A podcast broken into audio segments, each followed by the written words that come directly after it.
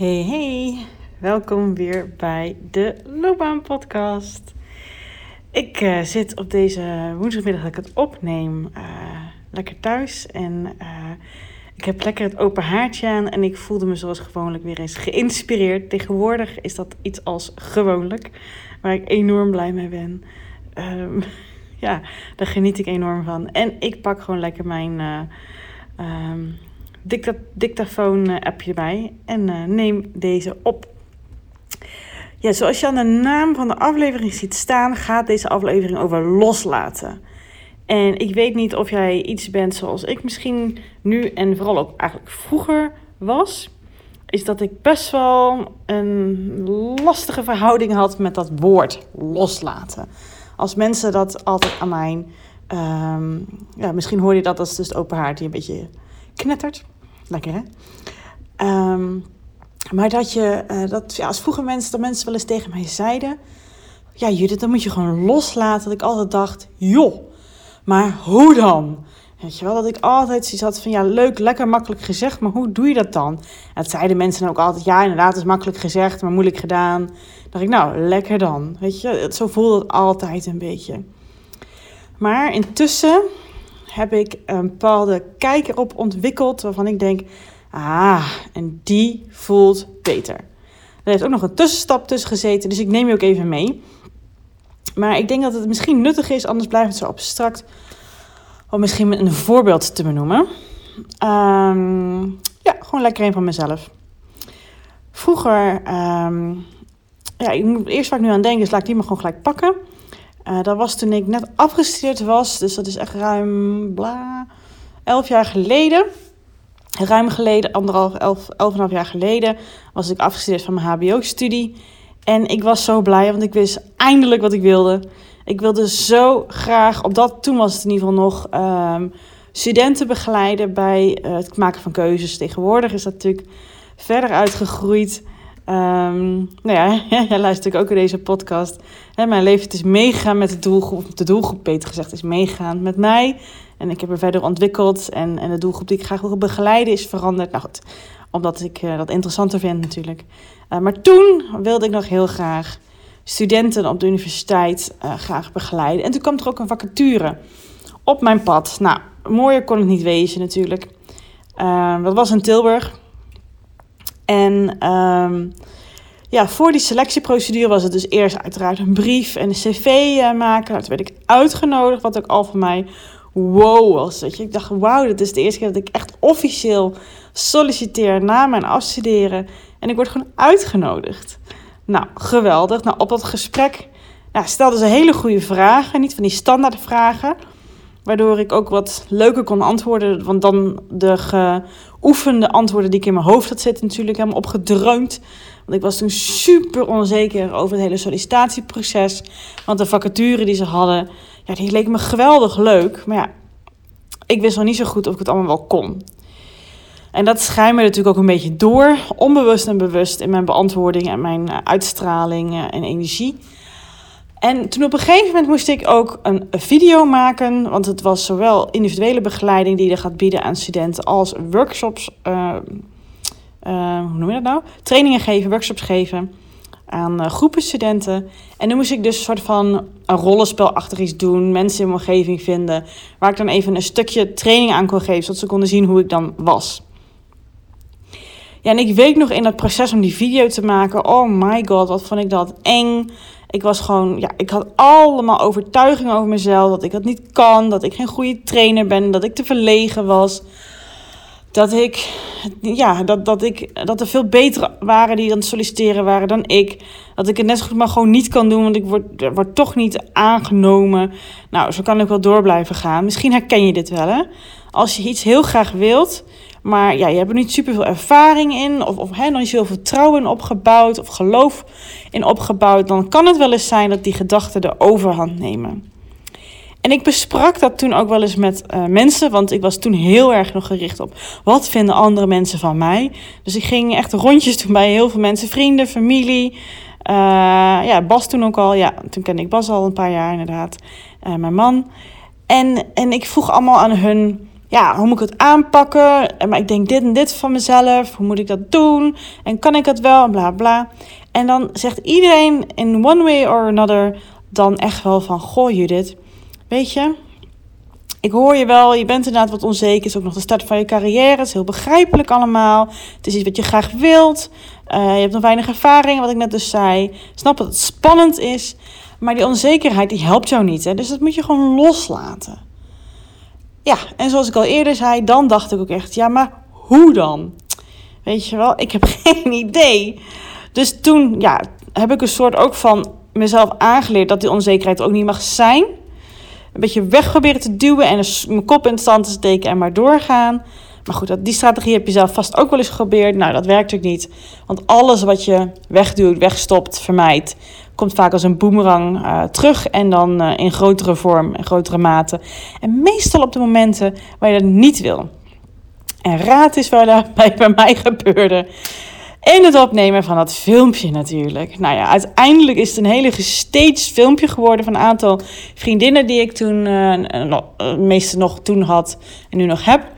Um, ja, waarin ik hun ook echt een beetje heb gezegd wat ze moeten zeggen. Het was helemaal niet natuurlijk. En het was zo'n strak gezicht. En ik had zulke opengesperde ogen. Ik was zo zenuwachtig. Dus dat zei dus ook na toen de, degene die mij in de selectie zaten van de uh, um, ja, selectiecommissie. Dat ze dat zagen. Ja, leuk dat je een filmpje opgenomen hebt. Maar hier hebben we helemaal niks aan.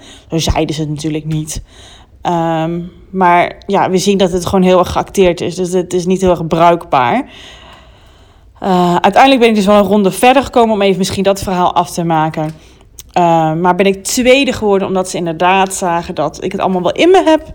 Zij zagen het allemaal, maar ze hadden door, wat ook, ook gewoon waar was, dat ik dat zelf wel niet 100% door had nou om, om het af te maken, uiteindelijk ben ik een keertje gevraagd voor zwangerschapsverlof, een stuk of twee, drie keer. En toen zagen ze, terwijl ik aan het doen was, want ik werk wel echt zo, gewoon doen, gewoon aan de slag, ook al vind ik het rete eng.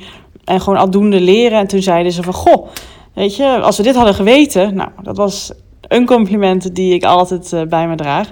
En uh, nou ja, nu ben ik al jaren externe trainer daar ook. En dat vind ik nog steeds tof. Om studenten te begeleiden. Alleen, nou ja, nu doe ik meer dan dat, hè. Um, en ik pak het heerlijk op mijn eigen manier aan. Meer diepgang in de trainingen. Uh, en dat vinden studenten heel tof, merk ik. Dus uh, boeiend, hè? Maar goed, daar gaat deze aflevering niet over. Maar als je je afvroeg hoe het afgelopen was, of hoe het in ieder geval nu is, weet je dat nu. Maar dus toen al, uh, in ieder geval dus een bewuste um, ja, herinnering die ik kan had, dat mensen dan dus tegen mijzelf, tegen mij zeiden ja, dat, dat moet je loslaten, die onzekerheden. Dat dient je niet. Um, soms hoor ik mezelf dat ook wel eens in een bepaalde vorm zeggen tegen mezelf of tegen andere mensen. dat zijn geen helpende gedachten.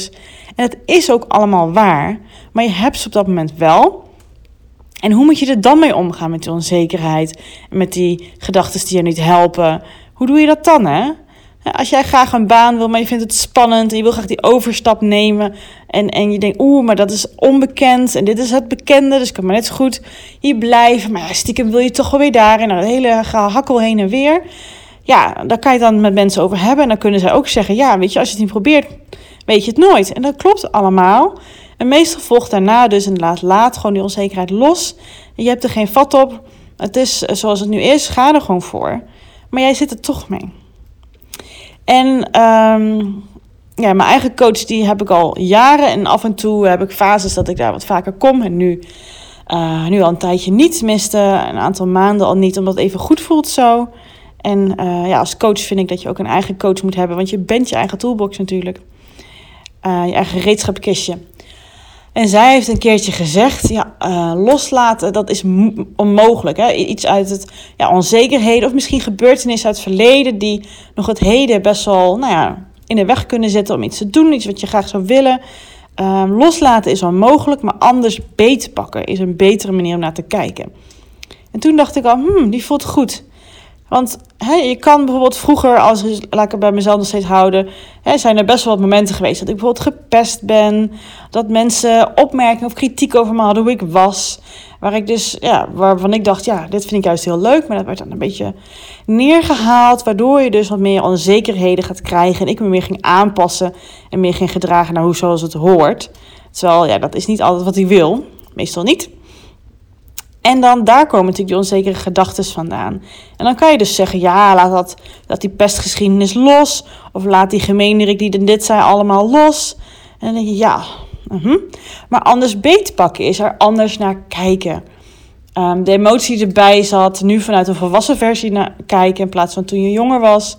En inzien dat er meer aan het verhaal is en meerdere zienswijzen zijn. En um, nou, dat je het zo ook een beetje kan verwerken. En dan pak je het daardoor, omdat je dat nou ja, anders bekijkt, anders, ja, anders nakijkt, uh, pak je het anders beet. Maar uh, recentelijk heb ik daar dus nog een vernieuwde kijk op gekregen. dus ik heb het hier echt over alles wat voor jouw gevoel ja, belemmerend, niet helpend, dingen uit het verleden zijn die nou ja, ervoor zorgen dat je nog niet helemaal gaat voor wat je wil, omdat, je, ja, omdat er bepaalde gedachten, doemgedachten spelen, waardoor je niet durft uh, um, uit je hoofd te gaan en in de actiemodus.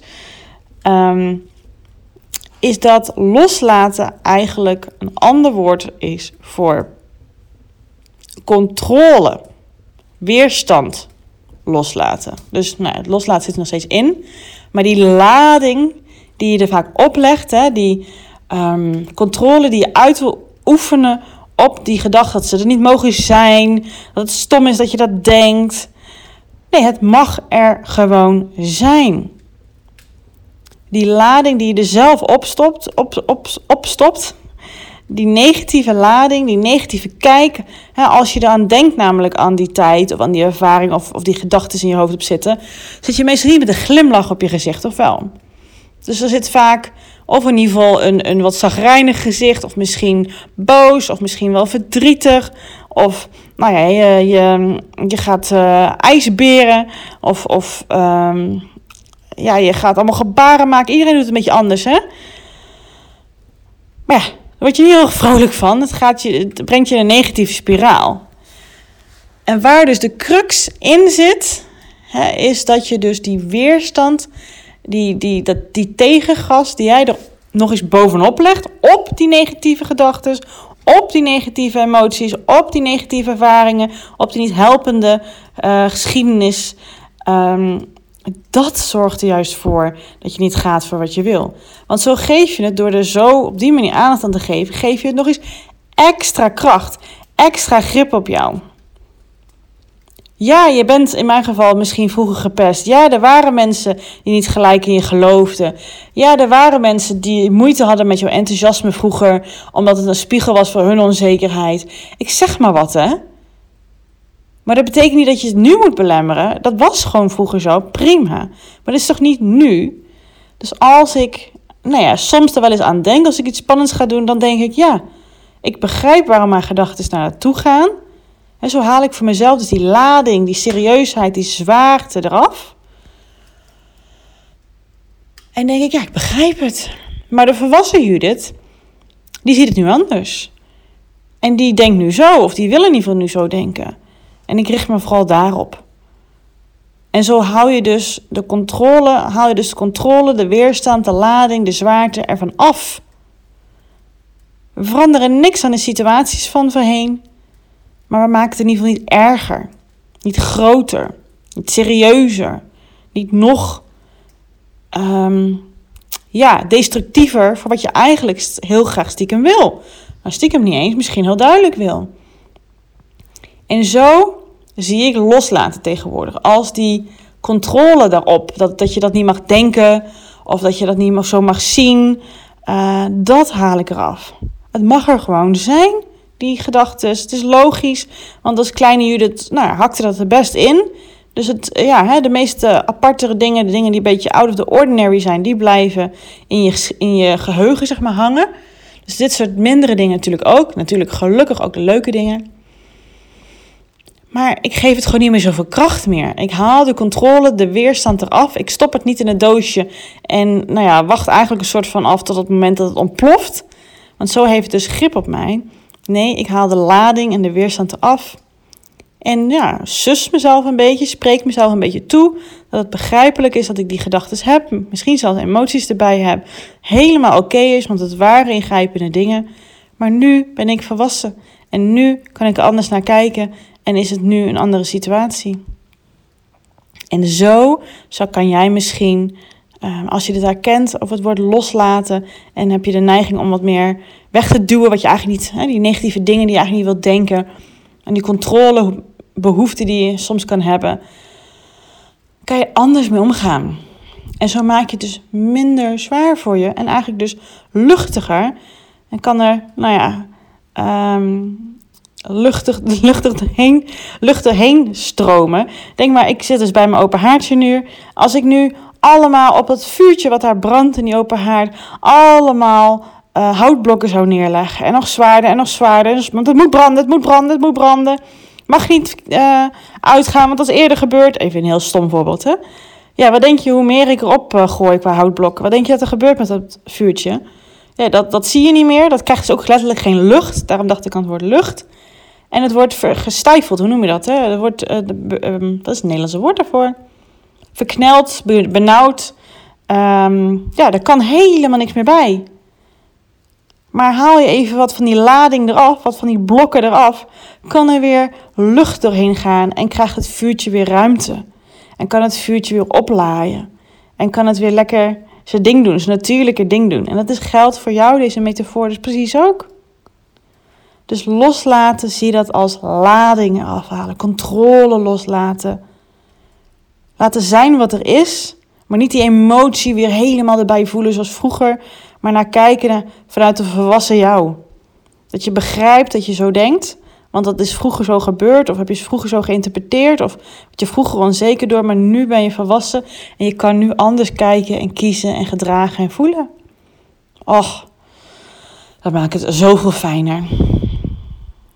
Ja. je merkt aan mij dat dat voor mij dus echt uh, mijn ervaring is. Hè?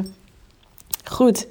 Dus mocht jij nu of in de toekomst in die momenten zitten dat je iets graag wil, of dat je in ieder geval merkt, of er zit een situatie op je werk of buiten je werk waar je denkt: Oh, ik ga een beetje in een negatieve spiraal. Dat moet me heel erg denken aan vroeger. En ik word onzeker hierdoor. Wie weet, denk je dan aan dit? Laat dat los, maar dan op de definitie, zoals ik het nu in deze aflevering verteld heb. En kijk eens of die perspectief, dat perspectiefverschil voor jou nou ja, iets kan betekenen. Ik ben namelijk heel nieuwsgierig hoe dat voor jou zou zijn.